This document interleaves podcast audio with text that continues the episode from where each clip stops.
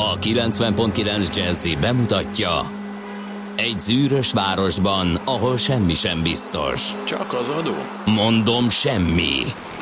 Ahol a kisbefektetőket senki sem védi meg a tőzsdei kilengésektől, és a sikátorokban leselkedik a kíméletlen hozamgyilkos. Csak négy férfi múlik a közbiztonsága. Hadnagy urak, merre vannak? A mindenre elszánt és korrumpálhatatlan alakulat vigyáz a rendre minden reggel. Ezek az állati nyomozók? Négy férfi egyeset és egy nyalóka. Ács Gábor, Gede Balázs, Kántor Endre és Mihálovics András. Az íróasztal mögül pedig Profit kapitány diktálja a tempót. Humor, emberi sorsok, közönséges bűnözők és pénz, pénz, pénz. Egy különleges ügyosztály, a Gazdasági Muppet Show minden hétköznap reggel a 90.9 Jazzin. De is figyelj, ne csak a bárányok hallgassanak. De miért? Ha nincs pénzed azért, ha megvan, akkor pedig azért. Millás reggeli. Szólunk és védünk. Jó reggelt kívánunk, kedves hallgatóink! 6 óra 45 perc van, 2017. június 26-án. Indul a hét, és indul a Millás reggel itt a 90.9 Jazzy Rádión Kántor Endrével, és Mihálovics Andrással. Mert a Millás reggelit ma mi prezentáljuk nektek. 0 30 20 10 9 0 9, ez az SMS és a WhatsApp számunk, unalomig ismételjük, hát ha van, aki nem hallgatja, vagy nem tudja már fejből. Jó reggelt, Kartársak Gödről ma Budaörsre vitt az utam a régi kettesen, Váci út, Bajcsi, Lánchíd, alig 35 perc. Ez kellemes, de mi lesz visszafelé? Befelé már kezd sűrűsödni az M7-es bevezető, jelenti D-kartárs végre nem a sablón üzenetével, mindegy, ez csak cinkelés. Neki nem gondoljuk, hogy olyan nagy probléma az, hogy ő mindig elmondja, hogy Gödről hogy lehet bejutni Budapestre. Na, Uh, ilyen és ez hasonló közlekedési információkat várunk.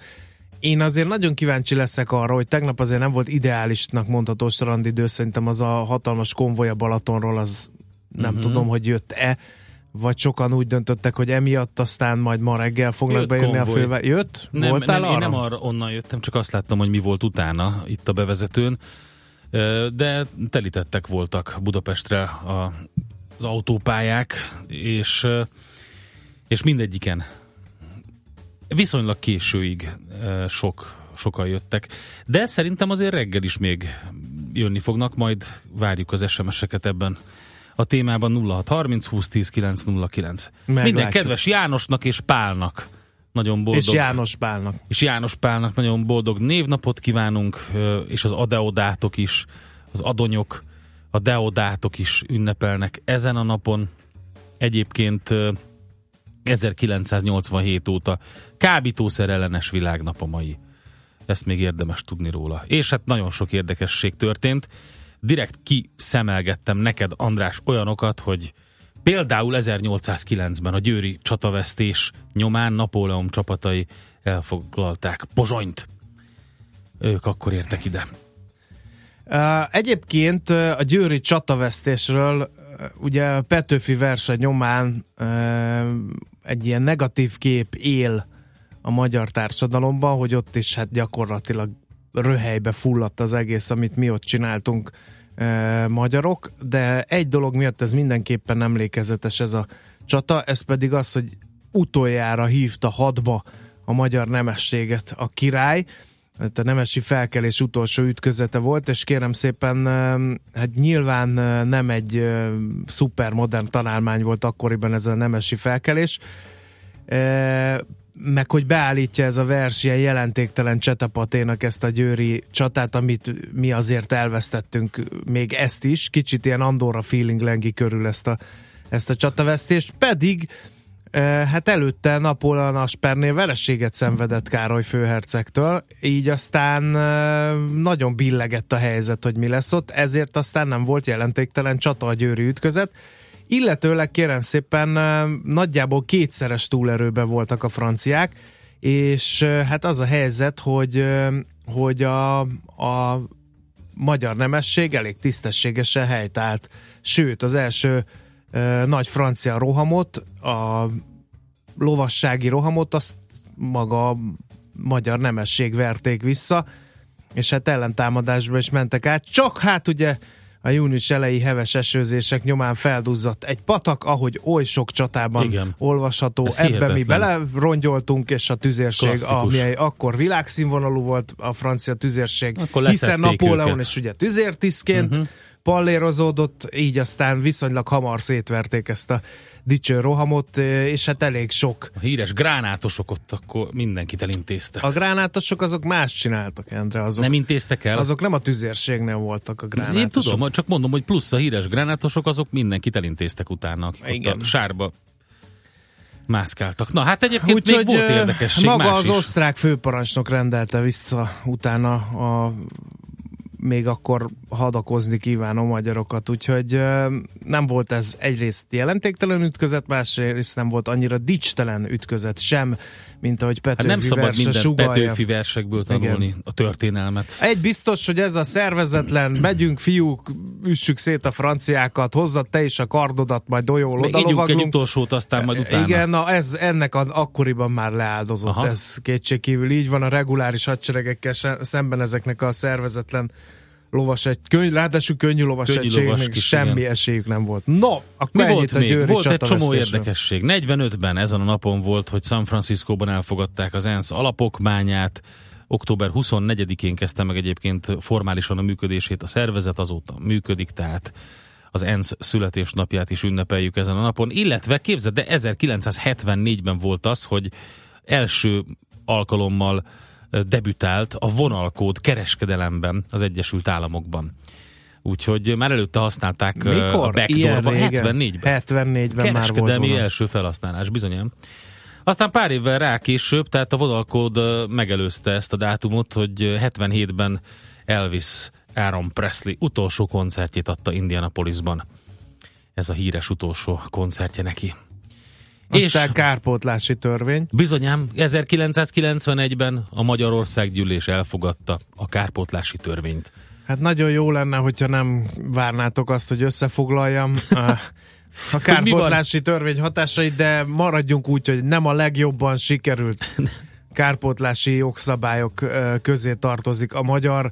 Vannak a régióban olyan népek, amelyek kicsit jobban csinálták ezt a dolgot. Hát figyelj, az a nagy kérdés, Nem hogy volt-e más rosszul- választásunk. Nem biztos, hogy olyan rosszul csináltuk kárpótlási jegyekkel ezt a dolgot. Van, aki szerintem ebből rendkívüli Igen. módon meggazdagodott. Igen. Na hát milyen születésnapok vannak, gyorsan elmondjuk, még 1835-ben ezen a napon született Herman Otto, magyar természettudós, és hát kiemeltem neked két embert, aki ugyanaznap született, és a két ellenkező oldalon állt a világháborúban. Az egyik ember az a 1898-ban született Willy Messerschmitt, német mérnök, repülőgép, konstruktőr és gyártó, Hát a Messerschmitteket A talán nem Messerschmitt. kell bemutatni A még másik a laikus hallgatóknak sem. pedig az 1917-ben született Pavel Alexandrovics Szolovjov, szovjet repülőmérnök.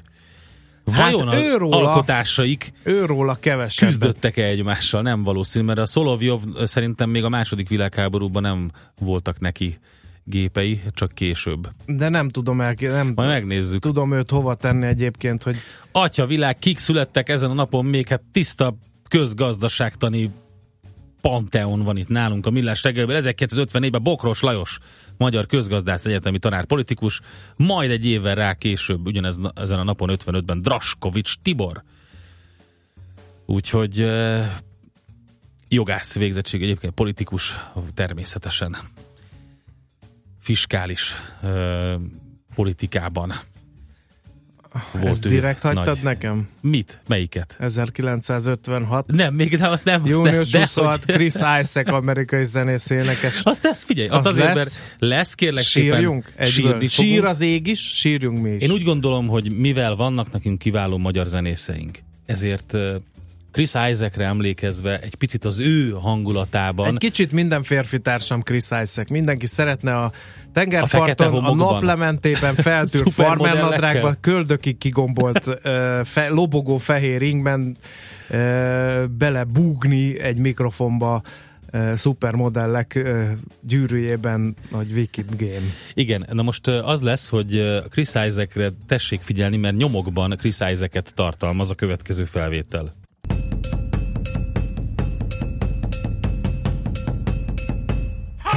Kiment a ház az ablakon, benne maradt a vénasszony.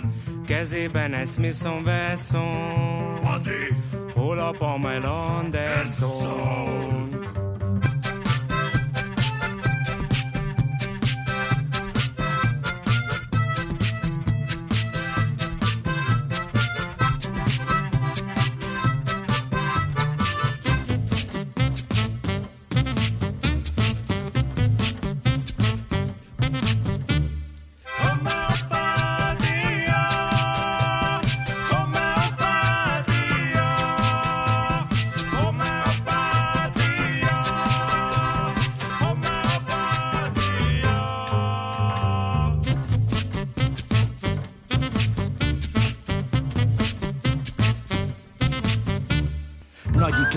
Zsuppa háton, huppan át a pusztaságon, ablakon átvágta tép a háza, mi van az a drába, répa saláta, zöldség, gyümölcs, székla, banánna, kövér sültő, tészta, kalácsaj, morfondírozik egy darabig magában, a sorozatra visszaérek talán majd, irány a vásárban, nincs más hátra, kabátos hús lesz vacsorára, unokái, fullos gágyik, néha eljön egyik másik kar a karé, lába lábé, lába karé, kara lábé, diszkrét pakolás, kis csalamádé, dinnyét akkorát, mint Pameláé.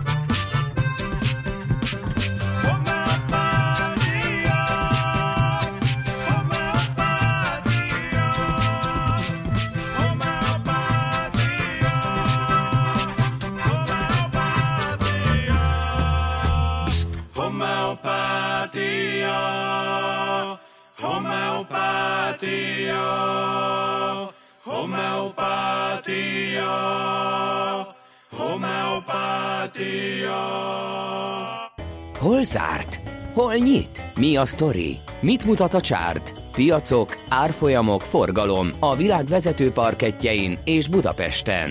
Tősdei helyzetkép következik. Na, mi történt Budapesten? Fél százalékos mínusz volt Endre, és 35.599 lett a vége. A blue chipek közül csak a Telekom ment fölfelé kemény 2 forintot, 4 százalékot egészen 470 forintig. Esett egy nagyobbat a Richter 9 százalékot 7040 forintig, az OTP fél százalékos mínusszal zárt 9235 forinton kapaszkodott meg, a MOL pedig 4 ot veszítve értékéből végül 21.730 forinton zárt. A kisebb papírok közül nézem, hogy hol volt a nagyobb mozgás. Például a Rábába apukám 3,7%-os pluszt regisztrálhattunk, az elmű sem panaszkodhat 24.200-on zárt, és ez 1,7%-os plusz volt. A Masterplus 3,3%-os plusza is ide kívánkozik, és hogy essék szó a nagy esésekről is, majdnem 9, sőt, egészen pontosan 9%-ot esett a cikkpanónia, 223 forintig, és az Opimus is esett kérlek szépen 115 forintra, ami 5%-os mínusz. Úgyhogy Igen, közben azt vissza. néztem, hogy a héten a forint egy kicsit megrodjant, de toltak egyet a, még pénteken is az árfolyamán így megközelítette a 310-es szintet az euróval szemben. A más devizákhoz képest nem nagyon volt a forintban erő, de minden esetre, ha a nyugati piacokat nézzük, akkor a Nasdaq egy elég meggyőző emelkedésen van túl, és azt lehet mondani, hogy ha a Dow Jones nem gyengült volna be, akkor teljesen pozitív lett volna az árás az USA-ban mert hogy a Dow az gyengélkedett egy ilyen, egy ilyen egy század százalékos mínuszban, de azért nem tudott pluszban zárni. A Nasdaq fél százalékot emelkedett, az S&P 0,2-t, ennyi pluszt hozott össze, úgyhogy a BlackBerry érdemes kiemelni a kereskedésből.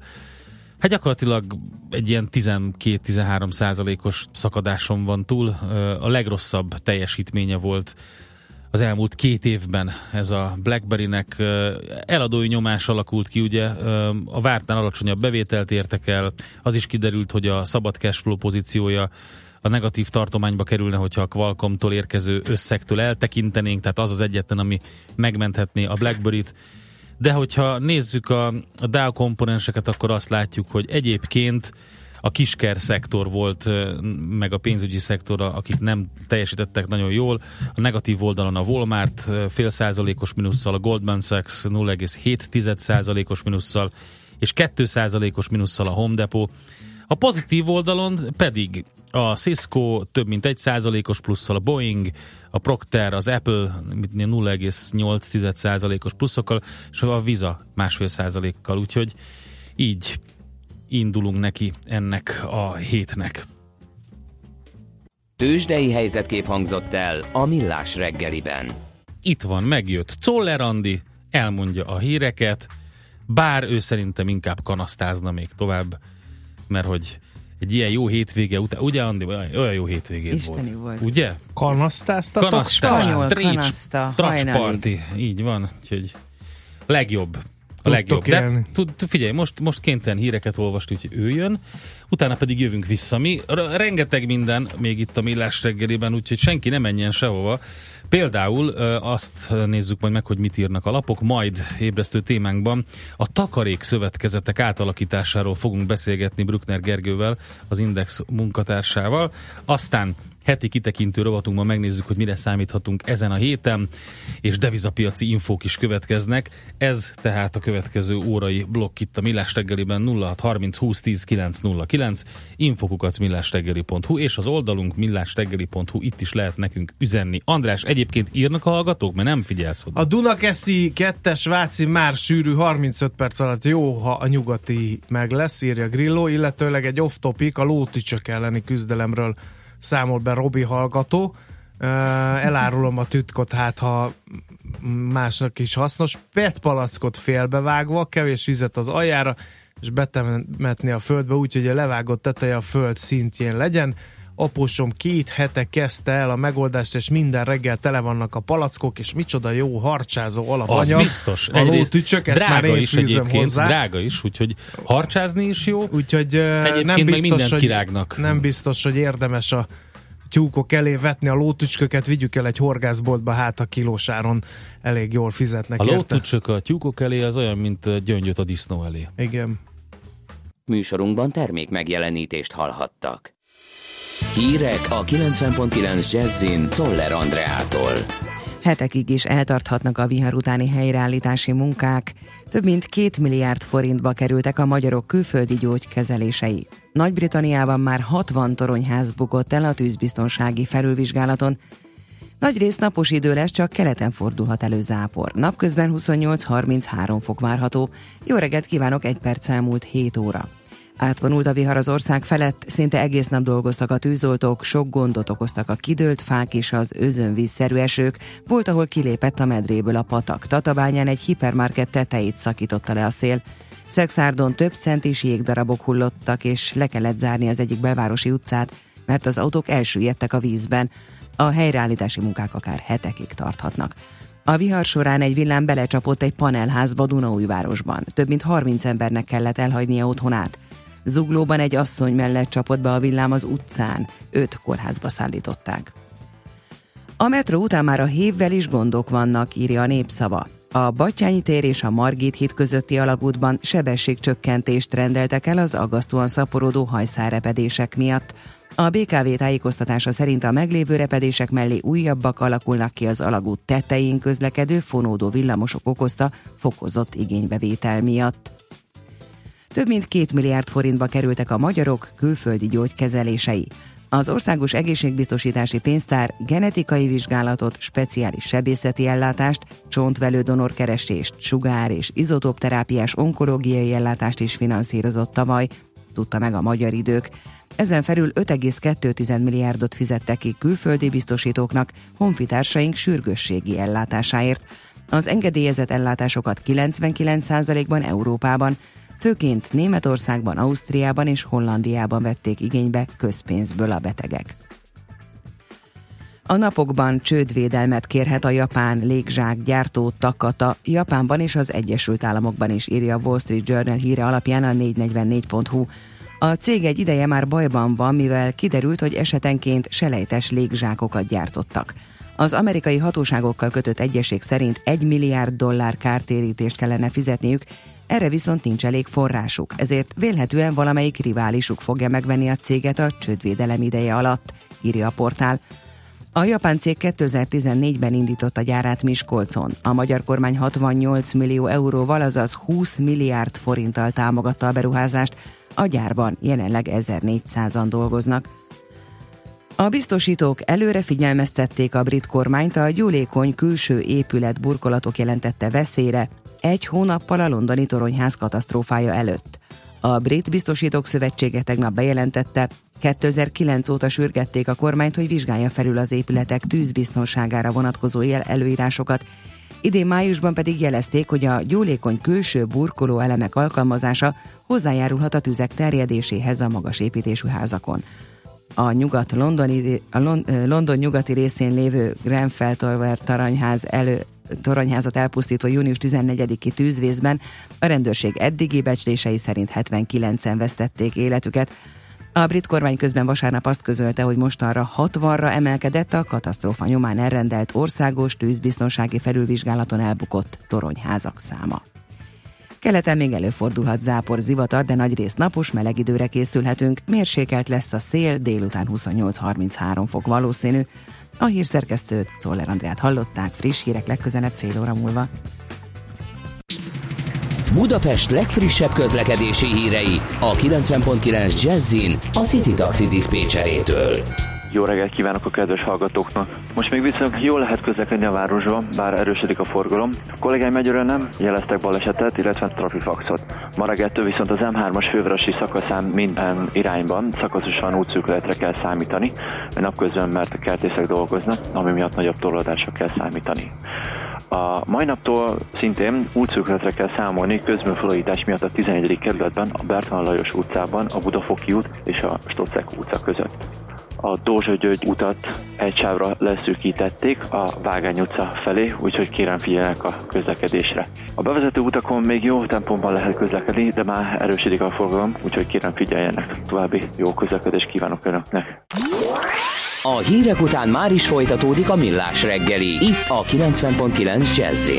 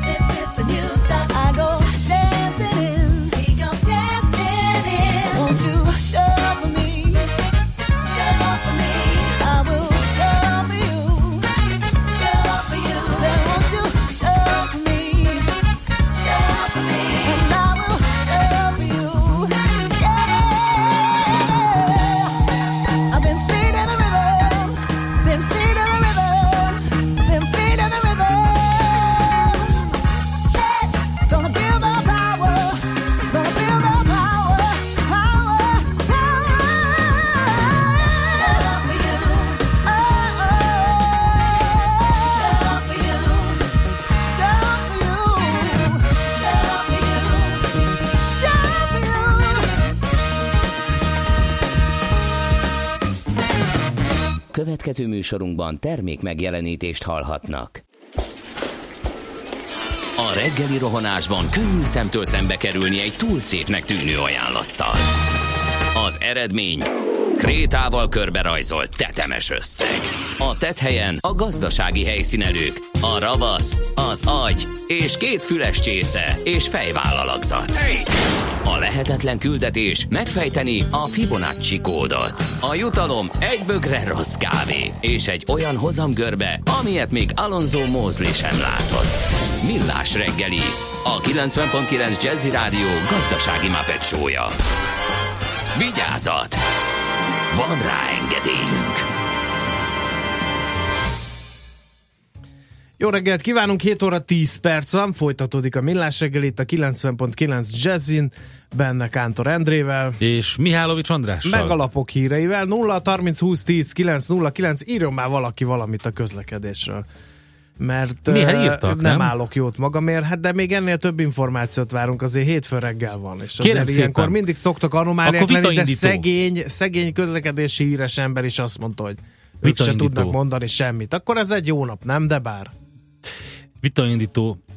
Úgy tűnik, hogy eddig működik a budakalászi Hát körforgalom. gratulálok, ideje volt. Tényleg. Egy dologot nem tudok, hogy konkrét, konkrét csúcsban még nem láttam a, a működését, hogy én majd úgy figyeltem meg, hogy három, tehát négy oldala van ugye ennek a körforgalomnak, lámpás Ez körforgalomnak. egy hogy négy oldalú ez egy körforgalom? négy oldalú körforgalom, ami a nullás felől úgy tűnik, hogy jól működik, Szentendre felől úgy tudjuk, hogy jól működik, Békás megyer felől is, na de mi van azokkal, akik beragadnak a nagy áruházhoz, és onnan próbálnak bejutni a körforgalomba? Én azt vettem észre, hogy azon az oldalon bizony nagyobb sorok vannak, majd ezt megerősítik, vagy cáfolják a kedves hallgatók, úgyhogy... Nem lehet máshogy kimenni? Ne, nem. Vagy elmész a nullás felé, és akkor Ne, onnan, ott kénytelen ja, onnan vagy bemenni, kijönni igen. sem tudsz. Bemenni Tehát- még csak-csak. Igen, igen. Úgyhogy ez, ez kérdés, hogy az működik-e az a része. Aztán... Nézd meg, rég nem látott dugó az M3-ason befelé. Ebben a pillanatban írtam Na. Zsolt. Na, de mondja tovább. Megfogja a Szerencs utca? Ö, Válaszoljanak.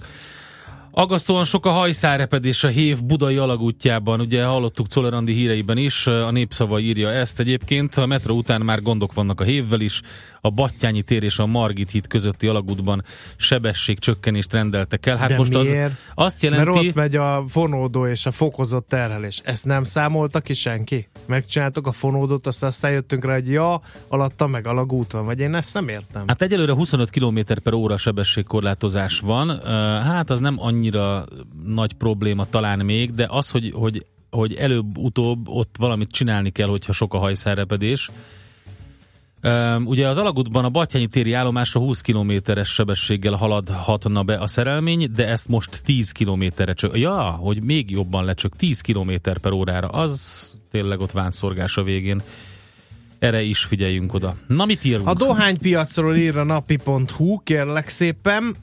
Az idei első három hónapban 2,7%-kal több pénzt költöttek a magyarok dohánytermékekre, pedig a cigaretta, a dohány és a szivarka ennél nagyobb mértékben 4,2%-kal drágult. Ha most ezt a két számot összerakjuk, akkor ez elvileg fogyasztás csökkenést jelent, ezt azonban nem lehet biztosan állítani, írja a napi.hu. Ugyanis nem derül ki az adatokból, hogy a, a dohánytermékekre elköltött 133 milliárd forint mekkora részét tette ki a cigaretta, mekkorát a vágott dohány és mekkorát a szivarka. E, A hivatalos adatok szerint a teljes magyar kiskereskedelmi költésből a dohány 6,1%-ot hasított ki, ez az arány egy éve 6,4 volt két éve 6,2, tehát össze-vissza hullámzik a fogyasztás. Szerintem azért, mert itt viszonylag jelentős a fekete piac, és hát ö, attól függ, hogy sikerül bemérni a legális piacot. Azt mondja, hogy a jövedéki adóemelések, amelyek az uniós szabályoknak való megfelelés jegyében történtek, egyébként folyamatosan drágítják a dohánytermékeket, és megszűntek azok az árjegyek, amelyeken az árakat is fel kellett tüntetni. Ehelyett a NAV határozza meg hetente kétszer, hogy mennyi az ára a füstölni valónak. Tavaly szeptemberben indult az adóemelési hullám, az uniós irányelvek miatt, mint említettem, 1000 szál cigarettára minimum 90 euró jövedéki adónak kell jutnia, és ennek el kell érnie legalább az eladási ár 60%-át, a felső határ 115 euró, amelynél már nem kell tartani a 60%-os szabályt. A finomra vágott dohánynál a minimális adó az ár 46%-a, de minimum 54 euró. Legközelebb 2017. júliustól lehet magasabb közteherrel számolni, akkor a cigaretta adója 16.200 forint lesz, plusz az eladási ár 25%-a, ami legalább 29.200 forintnak kell lenni ezer darabonként. Úgyhogy érdekes Na hát egy érdekes cikk a magyar időkben Ugye az is. a kérdés, hogy a megdrágult dohányzás elveszi az emberek kedvét a füstöléstől, vagy inkább áttérnek az olcsó termékekre, illetőleg a csempészet cigarettákra, de hát ugye utóbbit hát, azt még csak becsülni sem lehet. No, igen. Hallgatlan. Magyar időkben is érdekes cikk, elbontanák az illegális balatoni horgászstégeket, a költségek több százmillió forintra rúghatnak. A tó mellett sok helyen kipusztultak a nádasok, mert hogy a Balatoni Szövetség felszámolná az illegális kikötőket. Azt mondta egyébként a tóparti önkormányzatokat tömörítő szervezet vezetője Balassa Balázs, hogy az elmúlt években egyre több csónak kikötő, feltöltés és horgászstég épült engedély nélkül a Balaton partján, és ennek az az oka, hogy a horgászturizmus fellendülésével egyre több ilyen építményre lenne szükség. A legálisan használható kikötőkből azonban kevés van. Az is felgyorsította a folyamatot, hogy a szabályszegők gyakorlatilag semmilyen büntetést nem kaptak, az előírások betartását pedig nem ellenőrzik a hatóságok. Hát akkor kérem szépen, miért lepődünk meg, hogyha burjánzik valami. Úgyhogy hát ez nem, nem olcsó mulatság egyébként ezeknek az illegális tákolmányoknak, építményeknek a felszámolása, mert hogy jelentős költség és jogi procedúra árán bonthatnák el az önkormányzatok ezt? Mert hogy ugye elbontani, ahhoz már viszont kell Igen. jogi procedúra. No, hát a világgazdaság címlapján egy interjú Barca Györgyel, aki azt mondja, jelentős volt belföldön a forint állampapírok iránti kereslet, mind a nagybani, mind a lakossági piacon. A nettó lakossági értékesítés meghaladta az 1000 milliárd forintot, vagyis túl teljesítettük az éves célt mondja az Államadosság Kezelő Központ vezérigazgatója. Szerinte az elmúlt években sikerült csökkenteni a kockázatokat a lakossági piac felépítésével. Barca szerint ma már a régióban a csehek után nálunk a legalacsonyabbak a hozamok az önálló valutát használó országok közül. Az MNB adatai szerint április végén 27.241 milliárd forintnyi magyar állampapírból 64% volt a belföldieké, erre utoljára 2002-ben volt példa. Aztán ugyancsak a világgazdaság címoldalán olvasom, hogy sokba kerül, ha a repülőtéren váltjuk meg a nyaraláshoz szükséges pénzt. A budapesti repülőtéren a gépek átlagos indulási pontossága az uniós átlag középmezőnyébe esik, hogy távolról indítsunk, de a nyári zivataros időszak sok helyen késlelteti az indulást a gép, az és akkor amíg várakoznak az emberek, ott vált, váltanak ott igen. egyet? Az időjárás mellett döntők, hogy a gépek valamiért már eleve késve érkeznek a repülőtéren. Problémás lehet a pénzváltás is, hiszen a pénzváltónál az aktuális piaci árfolyamokat több mint 20%-kal eltérített árfolyamok lettek. ez annyira Figyelj, egyértelmű. 300, euró, 300 euró váltás, akkor 20 ezer forintos drágulást jelent. Figyelj, um, aki, aki um, De elfelejti odáig Igen. húzza, nem csinálja meg máshol, a, az ki kell. fogja fizetni ezt az úgynevezett felárat, vagy kényelmi díjat. Mit gondolsz, mi lett az évszava? Hát a, a paralelepipedon, honnan tudtam? Nem, a csok.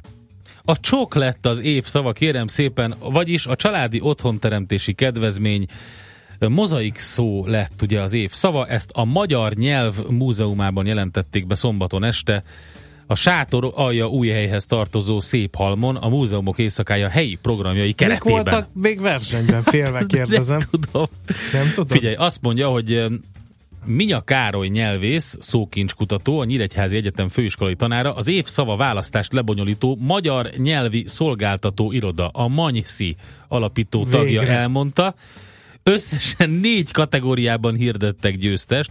Indoklása szerint a csokra azért esett az évszava programba bevont szakemberek választása, mert mindenképpen pozitív kicsengésű szót kerestek. A mozaik szó által képviselt tartalom pedig jó lehetőséget kínál a fiatal családok számára, amely meglátásuk szerint a demográfiára is jótékony hatással lehet majd. Dobogós lett a Brexit és a kvóta is. De hát, hogy mennyire uh, van hatással ez a demográfiára, az eddigieknél is jobban fogy a magyar, 1,4%-kal kevesebb gyermek született, mint egy évvel korábban. Hát ezért nem kell nyelvészeknek uh, szociológiával foglalkozni, vagy ilyen jóslatokba bocsátkozni. Ne ekézd a tudományos Figyelj, világot, Endre, ne, mert ne, magunkra András, vonjuk a haragjukat. András, a és- manyszit? Ne ekézzem a manyszit? Azt semmiképp. Miért nem a manyszí lett az a évszava? manyszí, szerintem a Nem? manyszí az évszava, nem a Igen. csok. No, uh, akkor ennyit a lapok Az év ifjúsági szava. Az pedig a, A, a fil, jóló. a filterbuborék, figyelj, ne, esküszöm, ezt nem a mikroszkóp színpad oldalán olvasom, hanem a portfólión. Az év ifjúsági szava a filterbuborék lett. Az micsoda? Az, e- az e- interneten elérhető közösségi oldalak tartalomkezelési módját jelenti. Úgyhogy Filterbuborék. filterbuborék. Megint Te, tanultam én, én azt mondjam, az, Annyira az év jó- költői szava. Igen. A tett hazafi. És a száj haza... Figyelj, esküszöm, nem április elsője van, ne nézz így rám. A tett hazafi és a száj hazafi. Te melyik vagy? Hát nyilván a száj hazafi. Nem is értem a kérdést. Tett hazafi. Te Na az jó, vagy? Figyelj, én, én megnyomom a play gombot, én most egy várjál hazafi le... gyors közlekedési körkép. A Szerencs utca ludas, amiatt van torlódás az M3-as bevezetője, meg a koffein hiánya, írja Zsolt.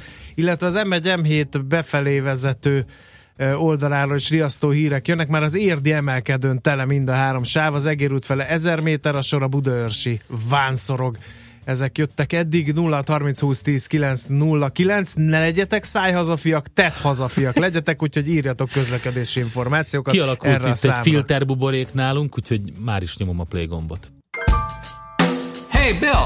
Bill! Hey, Bill Murray! Hey, wait up! Wait up! Let me catch up to you! Hey, Paulie. Nice running into you out on the street.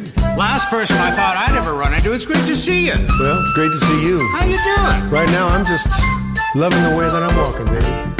When life is feeling sweet, it has a certain beat. Everything's groovy when you're walking down Happy Street. Sometimes it might seem dark, same path, same block, same park. But when you light your light, you're walking down Happy Street. When things ain't cool, here's my real simple rule. Why not just change your point of view? And when you know, hey, that's the way I should roll. All you gotta do is just take a step outside. It's so great to be alive. Smiling at those you meet when you're walking down Happy Street.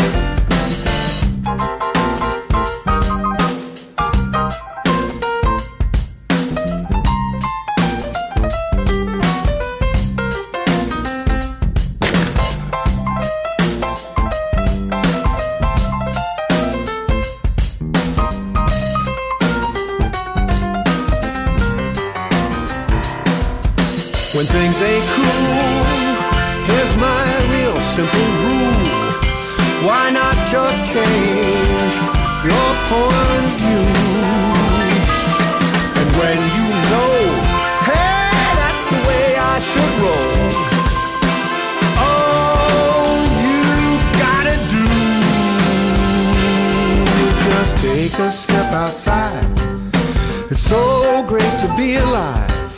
Smiling at those you meet when you're walking down Happy Street. Boy, that sounds right to me, doesn't it? Does that sound right to you or what? I love it. Timber! Take a step outside. It's so great to be alive. Smiling at those you meet when you're walking down Happy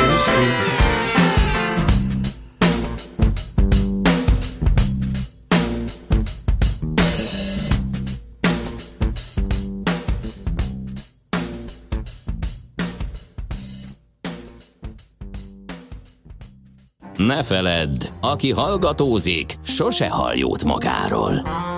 Millás reggeli. A Soroksári út az Ajib kútnál a szokott módon bedugul, vakáció ide vagy oda. Igen, de ha vakáció van, akkor van útfelújítás. Ha nincs vakáció, akkor meg ugye az iskolába közlekedők miatt nem lehet. Ez egy ördögi kör. Mikor lesz már? Mikor újítják fel út, az összes utcáját Budapestnek, és mikor lesz egy olyan nyár, amikor sehol semmi nem történik? Soha. Hát Elárulom. ilyen nem lesz, András, azt, azt tippelem. Na! Részletek a takarékszövetkezetek átalakításáról a vonalban Brückner Gergely, az Index.hu munkatársa. Szervusz, jó reggelt! Jó reggelt, sziasztok! Na hát egy éve tombol ugye a Egy nagy éve. háború a takarékszövetkezeti szektorban. Ö, Hát ugye már- az volt az alapvető koncepció, hogy egybe kell gyúrni a takarékszövetkezeteket, kereskedelmi bankokat, illetőleg a postát, és akkor jön egy hatalmas nagy ö, konglomerátum részre, létre, ami hát kihívója lehet az OTP-nek.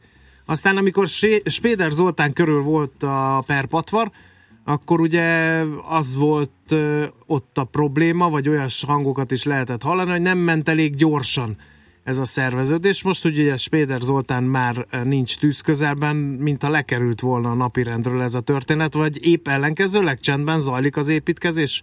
Arra felé mit láttál? Igen, tehát gyakorlatilag ugye egy évvel korábban volt ez a bizonyos hát kanyarvétel, ugye addig Spéder Zoltán irányításával zajlott a takarékszövetkezetek átalakítása, egy évvel korábban személyében is erősen meg lett támadva, és akkor a takarékszövetkezeti törvényt hát Varga Mihály nemzetgazdasági miniszter be- be- beadáványa alapján gyakorlatilag újra fogalmazták, és ez nagyon sok változást jelentett, például abban, hogy az integrációnak a, hát a, a gerincét adó informatikai rendszernek mikor kell elkészülnie, és hát azóta nem volt annyira hangos a szektor, ugyanakkor hát ugye ebben a bizonyos írásban mi azt láttuk föl, hogy azért nagyon komoly évvégi határidők és tervek vannak. Elsősorban az, hogy kialakulna egy ilyen 12 plusz 3-as konstrukció, ami azt jelenti, hogy lenne 12 regionális takarékszövetkezet, és három központi intézmény a Takarékbank, illetve az FHB kereskedelmi bank és az FHB jelzálogbank, ami egyébként azt jelenti, hogy valójában nem a intézményi nevek cserélődtek ki, hanem azok a természetes személyek, akik ezt az egész rendszert mozgatják.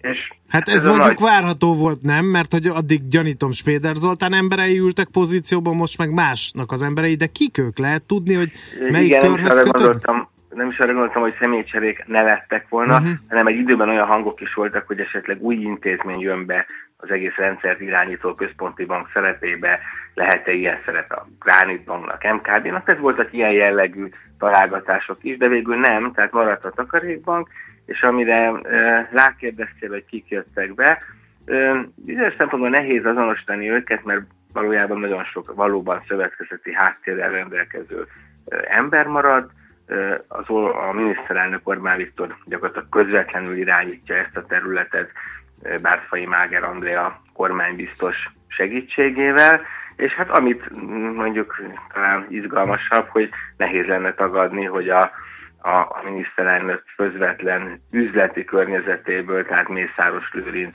világából is, is sokan jöttek. Azt lehet mondani, hogy hát ez egy furcsa dolog, de már, már megszámolni is nehéz, hogy hány bankhoz van ilyen szempontból köze vagy befolyása Mészáros Lőrincnek, hiszen a MKB, az FHB, a Takarék, a B3 Takarék Szövetkezet, tehát elég sok olyan intézmény sejlik föl, ahol, ahol hát olyan emberek láthatóak, akik nincsenek tőle távol, konkrétan Vida József, aki ezt az egészet mondjuk operatívan irányítja, ő hát régi ismerőse, vagy bizonyos szempontból földie is Mészáros Lőrincnek.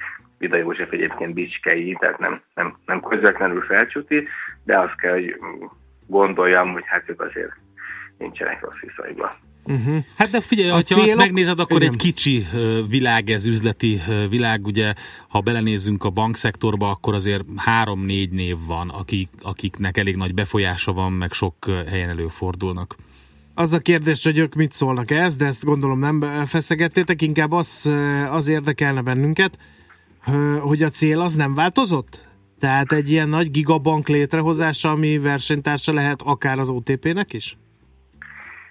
Ez ugye pontosan így nincsen megfogalmazva, hogy az OTP mint kihívandó fél, de alapvetően miközben korábban nagyon lendületesnek, vagy hát sokszor a szektorból már ilyen büszke hangok jöttek, hogy már ott tartunk, és ugye fiók számba persze mindig fölötte volt az OTP-nek a takarékszövetkezeti rendszer, de hogy már bizonyos üzleti eredményekben is kezdünk közelíteni. Hát én ezt nem gondolom, tehát szerintem a takarékszövetkezeti szektor a központi intézményekkel együtt azért a valódi bankolásban még nincs igazán ott, tehát valóban van egy széles hálózat, van betétgyűjtés, egyre inkább van hitelkihelyezés is, de hát azért amikor egy mondjuk egy vállalati ügyfél gondolkodik, akkor valószínűleg nem azonos módon merülnek föl agyában a kereskedelmi bankok és a különböző szövetkezeti világból érkező bankok, de hát ez csak egy kitérő volt, tehát a cél mindenképpen az, hogy megállítani a rendszer részesedés csökkenését, ugyanakkor valóban egy ilyen vidéki bank, kereskedelmi bank, vagy egy nagy intézmény képe is felsejlik, aminek ugye az egyik jól látható eleme a, a racionalizáció, tehát amikor van mondjuk egy-egy megyében 4-5-6 takarékszövetkezet, és abból lesz egy regionális, akkor például a megyeszékhelyeken nem kell 4-5-6 különböző fiók, hiszen már ugyanazt fogják nyújtani. Ez óhatatlanul azt jelenti, hogy be lehet zárni bizonyos fiókokat. Szintén egyébként egy, egy nagy egységes bank képét segíti az, hogyha, hogyha az informatikában vagy annak az integrációjában sikerül előrelépni. Ilyenekről is írtam, tehát vannak már olyan hát gyakorlatilag egyfajta ilyen központi főkönyvet támogató nagy SAP projekt, amit hát a tervek szerint tudnak tartani, és évvégére befejeződhet. Nagyon nehéz feladat, mert ugye olyan szinten párhuzamosan zajlanak dolgok, hogy az egyik erősebb helyi takarékszövetkezet kettőt éppen beolvaszt, de már ki van jelölve, hogy évvégére neki hova kell beolvadnia, tehát integráció, uh-huh. integráció hátán, ami hát ebben a bizonyos informatikai migrációs feladatban egy, egy igen komoly kihívás. Uh, maga a szereplői kör az nem bővült, vagy szűkült? Tehát ugyanígy maradt a posta takarékszövetkezetek és az FHB benne? Mert ugye mondtad te is, hogy volt szó arról, hogy esetleg kibővül a, az együttműködés. Nem bővült ki, és egy kicsit szerintem ugye újraosztódtak a szerepek az biztos, korábban úgy tűnt, hogy valamilyen szempontból az SHB lesz a közepe ennek a történetnek, ő, minden, ő fog mindenhova szerződéses szinten kapcsolódni e, valami fajta hát ilyen privilegizált helyzetbe. Most nagyon úgy néz ki, hogy a konstelláció szerint a takarékbank lesz egy ilyen szellemi központ, ott készülnek a termékek, ott lesz a befektetési szolgáltatás, a treasury, az FHB jelzálogbank egy jóval kisebb, egy szakosított szerepkörrel marad benne a rendszerbe 10-15 fővel jelzáloglevelek kibocsátásával, és az FHB kereskedelmi bank lehet a front office, tehát ugye ez a bank lesz kapcsolatban a vállalati meg a lakossági ügyfelekkel leginkább, a takarékbank által kitalált termékeknek ő lesz az ügynöke, bizonyos szempontból ugyanúgy, mint a végeken a takarékszövetkezet. A postával szerintem talán még ott a leg képlékenyebb a dolog. Én most nem érzem azt, hogy, hogy, a, hogy a posta annyira erősen be lenne ebbe a történetbe rakva, mint ahogy... Hát pedig azért az említett szereplőknél jóval több ember ér, ér el a posta, tehát az nem lenne Igen. rossz, ha ő benne lenne, már mint a, az integráció szempontjából nem lenne rossz. Igen, én azt gondolom, hogy ez most nagyon az én véleményem csak, hogy amikor ez az FHB posta világ új gazdákhoz került, akkor mintha egy kicsit a valós irányítás tekintetében szétment volna, tehát más jellegű körök vezetik a takarékszövetkezeti világot, és más jellegűek a magyar posták. Ettől függetlenül a háttérbeszélgetéseken sokszor elhangzott, hogy, hogy hát nagyon sok szinergikus lehetőség van, amit nekem mesélt valaki, és bele is írtam az írásomba.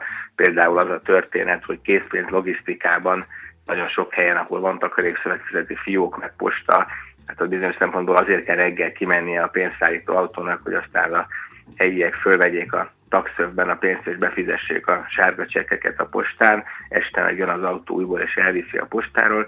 Tehát van egy rakás olyan racionalizáció, ahogy össze lehetne hangolni a posták és a, és a, a fiókok, szövetkezeti fiókoknak a működését, és hát postából még mindig sokkal több van, tehát pontos számot ugye nem tudok, de úgy tippelném, hogy mondjuk szövetkezeti fiókból van 1400, postából meg hát legalább 2400, és, és ha ez hát a kettő összefogna, na akkor micsoda fiókhálózat, vagy legalábbis hát, értékesítési pont jöhetne létre. Igen, egyfelől igen, másfelől meg megint a, a racionalizálási lehetőség, ami nagyon nem népszerű politikailag, mert ha egy kis településen bezárják a takszövet, meg bezárják a postát, akkor hát a helyiek úgy érzik, hogy még jobban el vannak ö, vágva a világtól, de valójában mondjuk nyugati példák Nagy-Britanniában nem nagyon van már posta. Tehát sokkal jellemzőbb az, hogy kialakítanak egy kis sarkot az élelmiszerboltba, vagy a papírüzletbe, és hát ott ilyen szinte minden postai szolgáltatást egy nagyon pici helyen egyetlen ügyintézővel lehet folytatni.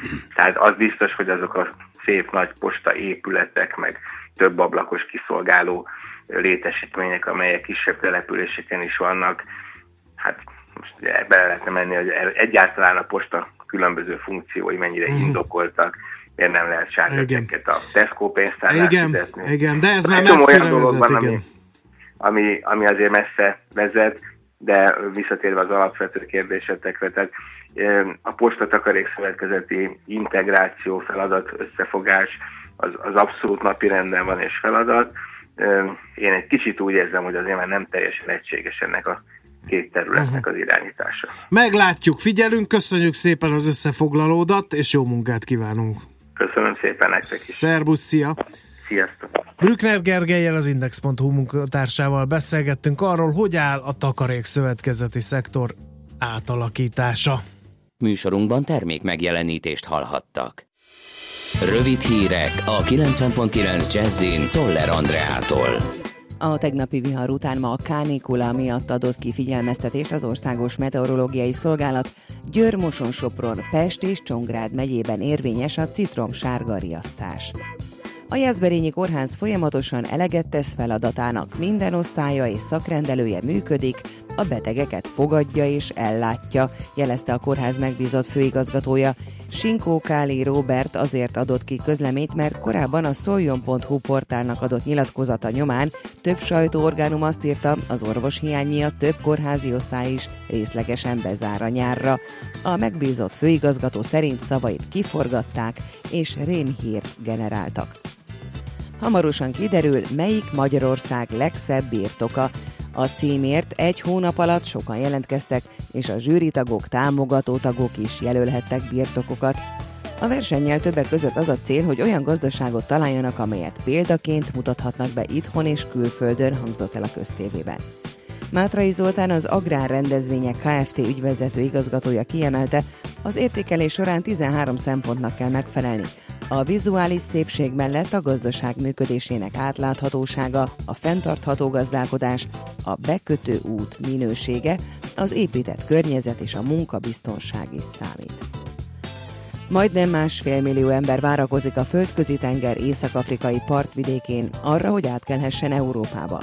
A Bildem Zontag című vasárnapi német beszámolója szerint Olaszországban az év elejétől június 22-ig majdnem 72 ezer ember érkezését regisztrálták, ami 27,6%-os növekedés az egy évvel korábbihoz képest.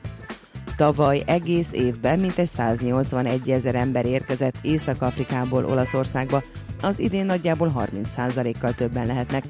Törökországban jelenleg 3,3 millió menekült tartózkodik. Elsüllyedt egy turistákat szállító hajó Kolumbiában. A fedélzeten tartózkodó 170 utas közül 9 ember halt meg, 28-an pedig eltűntek. Egyelőre nem tudni, mi okozta a balesetet, de túlélők szerint a hajó túlterheltnek tűnt. Egy szemtanú azt mondta, a hajó alig 4 perc alatt teljesen elmerült a víztározóban. Keleten még előfordulhat záporzivatar, de nagy rész napos, meleg időre készülhetünk. Mérsékelt lesz a szél, délután 28-33 fok valószínű. A hírszerkesztőt, Szoller Andrát hallották, friss hírek legközelebb fél óra múlva. Budapest legfrissebb közlekedési hírei, itt a 90.9 jazz Budapesten lassú a haladás a Haraszti úton, a Grassalkovics út előtt, a Soroksári úton az Illatos úton a Boráros térig, a Váci út külső szakaszán befelé a Gyöngyösi utcáig. A Hegyalja úton a Korompai utcánál gázvezetéket javítanak, emiatt útszűkületre számítsanak. Lezárták a Szépvölgyi útat a Lajos utca és az Árpád fejedelem útja között útfelújítás miatt. A 29-es autóbusz Hűvösvölgy irányában terelt útvonalon közlekedik. Pongrász Dániel, PKK Info. A hírek után már is folytatódik a millás reggeli, itt a 90.9 jazz Következő műsorunkban termék megjelenítést hallhatnak.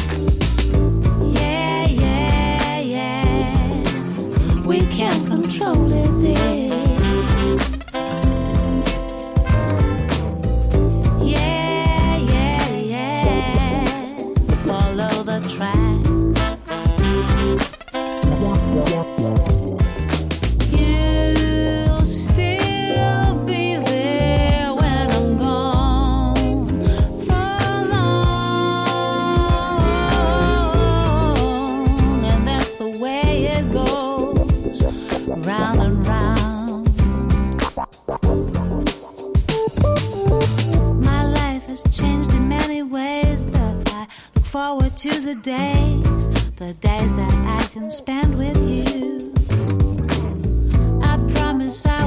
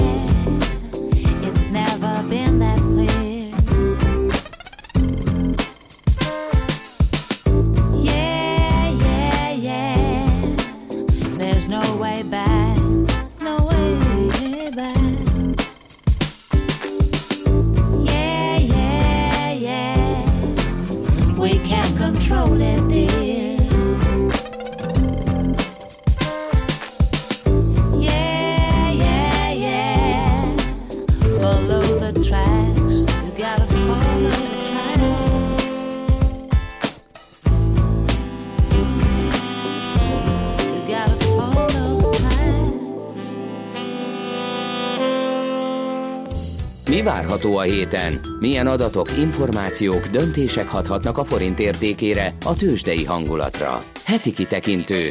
A millás reggeli szakértői előrejelzése a héten várható fontos eseményekről a piacok tükrében.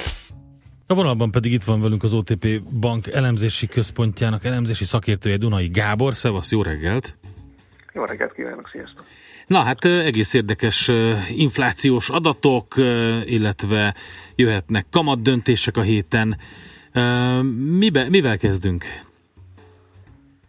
Beszéljünk egy kicsit az inflációról. Oké. Okay. Európai infláció, Németországból jön előzetes adat, így van, és az eurózóna júniusi előzetes adata is uh-huh. megjelenik majd.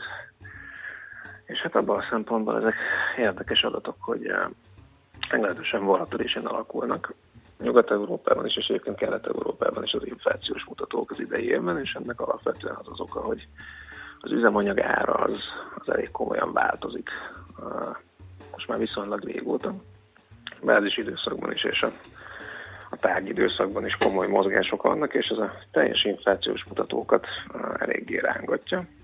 Most éppen azt láthatjuk, hogy csökkennek az inflációs mutatók, és uh, nálunk is ez volt a helyzet, és hát az eurozónában is arra számítanak az elemzők, hogy ilyen 1,2%-ra csökkenhet a, a teljes inflációs mutató azok után, hogy a, volt már két olyan hónap, amikor majdnem 2% volt, és majdnem elérte az LKB célját, és hát előre tekintve ez, ez valószínűleg így is marad. És ez abban a szempontból mindenképpen fontos, hogy uh, meglehetősen nehéz dolga van az LKB-nak, amikor döntenie kell arról, vagy amikor kommunikálnia kell azt, hogy, hogy akkor tulajdonképpen mit is szeretne monetáris kondíciókkal csinálni.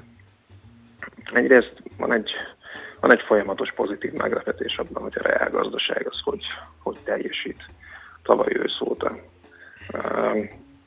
tulajdonképpen minden területen azt láthatják, hogy a várakozásokkal ellentétben meg, meglehetősen jól muzsikál az eurózóna reálgazdasága. Ugyanakkor inflációs oldalról még nem jelentkezik tulajdonképpen semmiféle nyomás, és ráadásul a headline infláció nagyon volatilis, úgyhogy tényleg hónapról hónapra mindig küzdenie kell az LKB-nak azzal, hogy akkor megpróbálja a piacokat és a befektetőket egy kicsit orientálni azzal kapcsolatban, hogy meddig tartja még fenn nagyon-nagyon laza monetáris politikát, és hát valószínűleg ez a következő hónapokban is így fog maradni. Aha, tehát marad, maradnak a kérdőjelek, hogy egyáltalán mikor kezd el szigorítani egy picit. Így van, így van. Uh, az év elején még, még az volt a fő kérdés, hogy lesz-e újabb lazítás, illetve hát, hogy, hogy hova, hova tovább tud még lazítani, hova tud még tovább lazítani az LKB, hogyha úgy alakul, azért ezek a vélemények vagy lehetőségek most arra eltűntek, és már inkább az a kérdés, hogy mikor fogja és milyen módon megszüntetni az eszközvásárlási programját. És hát Közben a, ném, bocsánat, közben a németek oldaláról meg, meg nyomás jelentkezik, ugye? Mert hogy ők azt szeretnék, hogyha beindulna minél hamarabb a kamatemelési ciklus.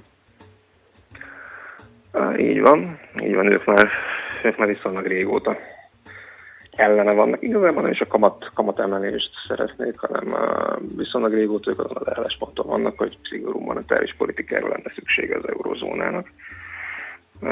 És akkor például egy erősebb euróval Németországnak a nagyon vaskos külkereskedelmi töblete, az valamelyest apadna, és egy kicsit egyensúlyi helyzetbe kerülhetne külső egyensúlyi szempontból Németország, de ez, de ez az ő külön problémája között az eurózóna összessége számára, főleg, hogyha mondjuk az olasz bankrendszer helyzetét megnézzük. Az egy jó ezekkel az a monetáris kondíciók. Hát jelen pillanatban az látszódik, hogy, hogy az én második felébe jöhet bármiféle iránymutatás, és valószínűleg 2018-ban láthatjuk majd azt, hogy, hogy először megszűnik az eszközvásárlási program, és hát, hogy kamatemelésre mikor kerül sor, az, az lehet, hogy még később lesz. Ha németekről beszélünk, akkor ugye jön adat Németországba is, ez a bizonyos IFO gazdasági hangulatindex. Így van, arról azt érdemes tudni, hogy hasonlóan egyébként az eurózóna összefoglaló gazdasági hangulatindexeihez olyan 6-7 éves csúcsokon állnak ezek a hangulatindexek, például az IFO is kifejezetten magasan áll, és úgy tűnik, hogy egyelőre nem, nem változik ez a helyzet. Úgyhogy a második negyed évben is valószínűleg egy, egy viszonylag erős GDP növekedést láthatunk majd az eurozóna egészétől.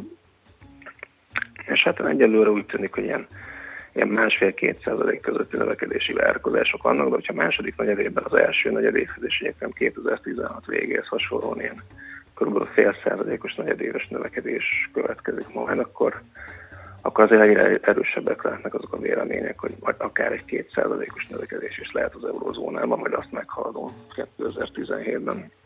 És hát, hogyha így lesz, akkor az, az fokozni fogja majd az LKV-val kapcsolatos monetáris szigorítási várakozásokat is. És hát összességében segíthet az eurónak még megerősödni. Stimmel. Európán kívül még jön valami Fed jelentés, ha jól láttam, ami érdekes lehet, illetve ugye kamat döntés lehet még Oroszországban is. Pontosak ezek? Vagy, ez, vagy annyira nem foglalkozunk ezzel?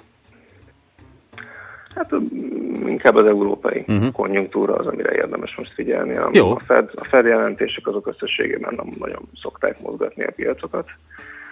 Uh, Oroszországban pedig, hát Oroszországban az olajárak csökkenése az, ami most egy kicsit aggodalomra adhat okot a döntéshozóknak, és ez egy kicsit eltérítheti a monetáris politikát attól a vágánytól, ami éppen van. Ott, ott azért alapvetően azt kell tudni, hogy a nagyon komoly olajáresést követően volt egy, egy jelentős alkalmazkodás a rubel árfolyamban, jelentősen gyengült a rubel, ami ö, felvitte az inflációt, és amire a, a jegybank egy utólag nézve talán a kelleténél szigorúbb kamatemeléssel reagált, és ezt a kelleténél szigorúbb monetáris politikai vonalat ezt azóta is tartják. És hát, ha jól emlékszem, akkor a legutóbbi kamat döntésen ott, uh, ott az történt, hogy a, az átlánosan várt 50 bázispont helyett csak 25-tel csökkentették a kamatlábat, úgyhogy ez továbbra is, továbbra is jellemző az orosz jegybankra, hogy uh, semmiképpen sem szeretnék azt a hibát elkövetni, hogy túl hamar szigorítanak, és ezzel adott esetben uh, a rubel árfolyamát, vagy akár a uh, pénzügyi közvetítő rendszernek a szilárdságát veszélyeztetik, és ezzel a, a mostani volna elcsökkenéssel ez, ez, ez a hozzáállásuk erősödhet. Oké, okay. akkor Európára figyelünk, az európai gazdasági mutatókra, meg hogy egyáltalán milyen üzenet érkezik a, az európai döntéshozóktól és Németország. Oké, okay, köszönjük szépen, Gábor, jó napot nektek, jó munkát! Köszönöm szépen én is. Sziasztok. Szervusz! Dunai Gáborral beszélgettünk az OTP Bank elemzési központjának elemzési szakértőjével. Heti kitekintő rovatunk hangzott el. Mire érdemes odafigyelni a héten? Mi elmondjuk.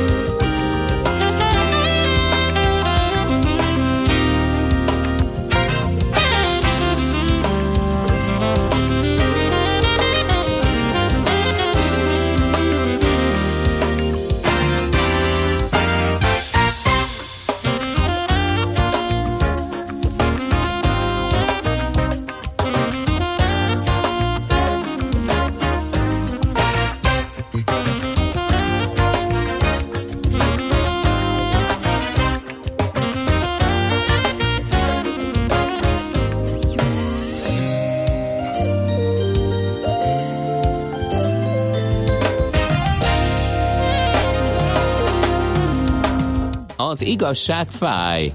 Persze nem annyira, mint olyan bicajra pattanni, amelyről hiányzik az ülés. Millás reggeli. A vonalban itt van velünk Kuti Ákos, az MKB Bank vezető elemzője. Szevasz, jó reggelt! Jó reggelt, János, sziasztok! Na nézzük akkor, hogy mi van ezekkel a britekkel. Most úgy tűnik, a leg, a legfrissebb az, hogy lehet, hogy sikerül megakadályozni a Brexitet, van egy megint egy felerősödő mozgalom. És egy bizony egyre hangosabban hallatja a hangját, ami azért érdekes, mert az elmúlt egy év nagyjából erről szólt, hogy hogyan lehetne kibúvót találni ezek alól a kötelezettségek alól, és aztán most úgy tűnik, hogy mégiscsak lehet valamilyen fajta jogi formulát, jogi csűrcsavarást követően ö, megtorpedózni ezt a folyamatot. Már még nem látszik pontosan az, hogy mi lesz az a húzás, mi lesz az adóház a kezükben, amivel esetleg meg tudnák állítani, vagy legalábbis jelentősen lassítani a folyamatot, de azért látszik az, hogy ennek már vannak jelei is a kereskedésben, tehát egyre többen kezdtek el gondolkodni azon, hogy ha ez mégis sikerül, akkor az egész sztori az le van fújva, és ehhez párosul még egy nagyon érdekes mozgás, nagyon érdekes vonulat, amit a pénteki kereskedésben ütötte fel a fejét, nevezetesen az, hogy megint egyre többen kezdtek el gondolkodni a brit jegybank inflációs várakozásain, legutolsó kamat döntésnél is majdnem az történt, hogy kamatot emelt a jegybank, de aztán végül is 5-3 arányban leszavazták ezt, tehát hárman szerettek volna a kamatot emelni, öten pedig a jelenlegi kamat tartása mellett szavaztak, de egyre több jegyzetben, egyre több stratégiában tűnik fel az, hogy esetleg a gyenge font oda vezet, hogy jóval magasabb inflációs pályát ö, lát majd a brit gazdaság, és ez annak ellenére, hogy nagyon erős politikai bizonytalanság, politikai kockázatok vannak, esetleg mégis kamatemelésre késztetni a brit jegybankot, és ez az a folyamat, ami érlelődött már az elmúlt napokban is, de talán most a hétvége folyamán, és meg a pénteki kereskedésben volt nagyon erős, és ennek tükrében látható az, hogy rövid távon még ugyan van erő a brit fontban, de azért látjuk azt, hogy pont úgy, ahogy időről időre felütötte fejét ez a várakozás, hogy esetleg meg lehet állítani a Brexit folyamatot, időről időre azért ez ki is ment, el is tűnt a rendszerből, tehát a hosszabb távon gondolkodunk, nagyon kevés dolog van már elvarva a Brexit kapcsán, sokkal több a kérdőjel, mint amit ki tudunk jelenteni, úgyhogy érdemes inkább arra felkészülni, hogy a kisebb-nagyobb mozgások követően, vagy mondjuk font erősödést követően azért ismét visszagyengül majd a brit fizetőeszköz. Uh-huh. Jó, hát ez egyébként a fonttal spekulálóknak a paradicsoma ez az időszak, úgyhogy akkor erre. És egyébként Németországban ö, már beszéltünk ugye az előbb arról, hogy jön ki az IFO hangulatindex, ez a euróra lehet némi hatással, de alapvetően gurkencáit van, uborka szezon. Most már volt itt uh, paradicsom, volt itt uborka, tehát a komplet zöldséges volt, azt fel fogjuk sorolni. Mondhatnánk azt, hogy a kotán cékla, vagy valamilyen hasonló izgalmak a, az euró piacán. Ugye majd a, a, a hetet előre tekintve nézzük, és azért ne feledkezzünk meg róla, hogy ez ilyenkor negyedéves zárás és egyben fél éves zárás is lesz. Tehát ugyan úgy érdemes készülni, hogy nem lesz nagy mozgás, de azért láttunk már olyat, hogy egy ilyen makroadat ínséges időszakban jelentősen mozgások is következnek a devizapiacokon. Ami érdekesség az majd igazából pénteken érződik, az eurozóna friss inflációs adatai érkeznek, ami nem lenne annyira izgalmas, hogyha nem lett volna nagyon markáns üzenete az LKB-nak a nagyjából két héttel ezelőtti döntésen. Ugye ők is jelezték azt, hogy egyre lassabban normalizálódik az inflációs pálya, amire gondoltak, és ugyanerről sokat beszélgettünk már itt korábban, de ez érződik, hogy nem csak az eurózónát érinti, hanem bizony a tengeren túl is erről beszéltek a jegybankárok az elmúlt hetekben, sőt az elmúlt néhány napban olyan adatok jöttek a tengeren túlról, sokkal várnál gyengébb makroadatok, illetve alacsonyabb inflációt jelentő mutatószámok jelentek meg.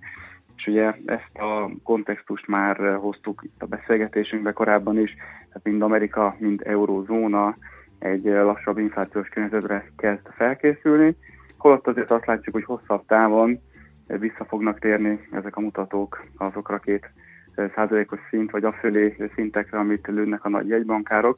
Érdemes ezt szem előtt tartani. Ez mind számunkra azért azt jelenteni, hogy ugyan kisebb-nagyobb emelkedések jönnének mondjuk az euró-dollár esetében, de azért arra számítunk még az év hátralévő részében, hogy vissza fog süllyedni majd ez a kurzus. Ma azt mondjuk, hogy első körben érdemes hogy az egy tízes szinteket nézni, de el tudom képzelni olyan piaci környezetet, hogy ezt mondjuk egy tíz alá is süllyed majd az év második felében. Jó van, jó van, figyeljük akkor ezeket. Jó munkát nektek, Ákos! Szép napot! Köszönöm szépen, viszont kívánom, és ha jól látom a menetrendünket, akkor péntek reggel ismét találkozunk. Igen, találkozni fogunk, és akkor Ne meg, megbeszéljük, meg. mi történt a héten. Oké, okay, szám, most azért hallgattam, mert jegyzeteltem, és akkor pénteken majd. Majd ki megnézi, bejött-e Tükröt minden. tartasz a vízióink elé. Így Így van. van, így van. Oké, okay, köszi szépen, akkor, szépen. akkor sok sikert addig is. Köszönöm, sziasztok! Szevasz. Kuti Ákossal beszélgettünk, az MKB Bank vezető elemzőjével. Kedves András, érkezette hozzászólás, óhaj, sóhaj a hallgatóinktól 0 30 20 10 9 Értékelhető 09. semmiképpen. Úgyhogy Nem- haladjunk nyugodtan Nem tovább. ért, ne viccelj. Igen, milyen, Itt jön Czoller Andi. igen, de milyen, Mi milyen? milyen jelzőket találtak ki az évszavában? Milyen a hang nemzettárs, meg a tett nemzet... Tett hazafi. Tett hazafi. Száj hazafi, tett hazafi, és filterbuborék, kérlek szépen. Ezek a Ja, mindig kedvenceim. De hát az évszava a csok. Azt azért ne felejtsük el. Az egy nagyon fontos dolog. Hányszor mondtuk mi itt a Millás reggeliben vajon? Sokszor. De kíváncsian várjuk, hogy uh, Schmidt Andi hírblokkjában szerepel az év szava, vagy nem. Várjál, várjál. Miért? Miért? Az Miért? Holnap holnap lesz fog hírek? kiderülni. Hát a Schmidt Anditól biztos. Ja, Na tessék, látod? Imádom ezt. Figyelj, nem lehetne egy sokkal valamelyik egyszerű- őtök nevet változtat? De nem egyszerűbb csak azt mondani, Például hogy Szabóra. Szabóra. Tehát nem a vezetéknevünkkel van a baj, hát Andi, Andi. Nem, velünk van a baj, ezt mindig tudhatod. Elnézést. Szoller Andrea jön. A legfrissebb hírek. Miért nem hívott Szollerkának, ahogy nagyon sokan? És akkor nincs Nem összekeverés. tudom. Ez valahogy tőlem idegen. Ez a K, meg Ücsi, meg Fürcsi, meg Kovi Ubi, meg ilyesmi. És a Czollerka az pont ebbe a vonalba vágna bele, úgyhogy idegenkedek tőle. Na jó, Na, jön, fél jön, ő, személyeskedéssel, írjatok közlekedési SMS-eket. Tett hazafiak 0 30 20 10 909. Műsorunkban termék megjelenítést hallhattak. Hírek a 90.9 Jazzin Toller Andreától. Hetekig is eltarthatnak a vihar utáni helyreállítási munkák. Közfeladattá szeretnék nyilvánítatni a nyilvános illemhelyek működtetését. A Brexit után is vámmentes hozzáférése lesz a brit piachoz a legszegényebb gazdaságoknak. Nagy rész napos idő lesz, csak keleten fordulhat elő zápor. Napközben 28-33 fok várható. Jó reggelt kívánok, egy perc elmúlt 8 óra. Átvonult a vihar az ország felett, szinte egész nap dolgoztak a tűzoltók, sok gondot okoztak a kidőlt fák és az özönvízszerű esők. Volt, ahol kilépett a medréből a patak. Tatabányán egy hipermarket tetejét szakította le a szél, Szexárdon több centis jégdarabok hullottak, és le kellett zárni az egyik belvárosi utcát, mert az autók elsüllyedtek a vízben. A helyreállítási munkák akár hetekig eltarthatnak.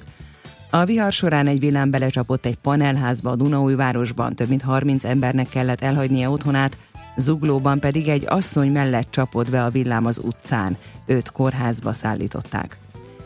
A nyári záporok késéseket okozhatnak a reptereken. Ferihegyen általában 30-40 perc alatt vonul át egy-egy zivatar. Villámlás idején például tilos a gépek tankolása.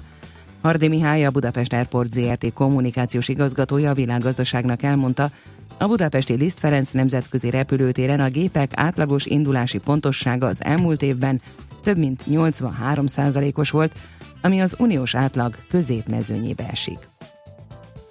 Az idei első három hónapban 2,7%-kal több pénzt költöttek a magyarok dohánytermékekre, mint egy évvel korábban. Ezzel párhuzamosan azonban a cigaretta, a dohány és a szivarka ennél nagyobb mértékben átlagosan 4,2%-kal drágult.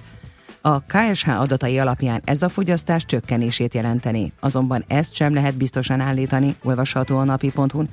Az elemzés szerint az emberek vagy többet költöttek, de kevesebbet füstöltek, vagy áttértek az olcsóbb termékekre.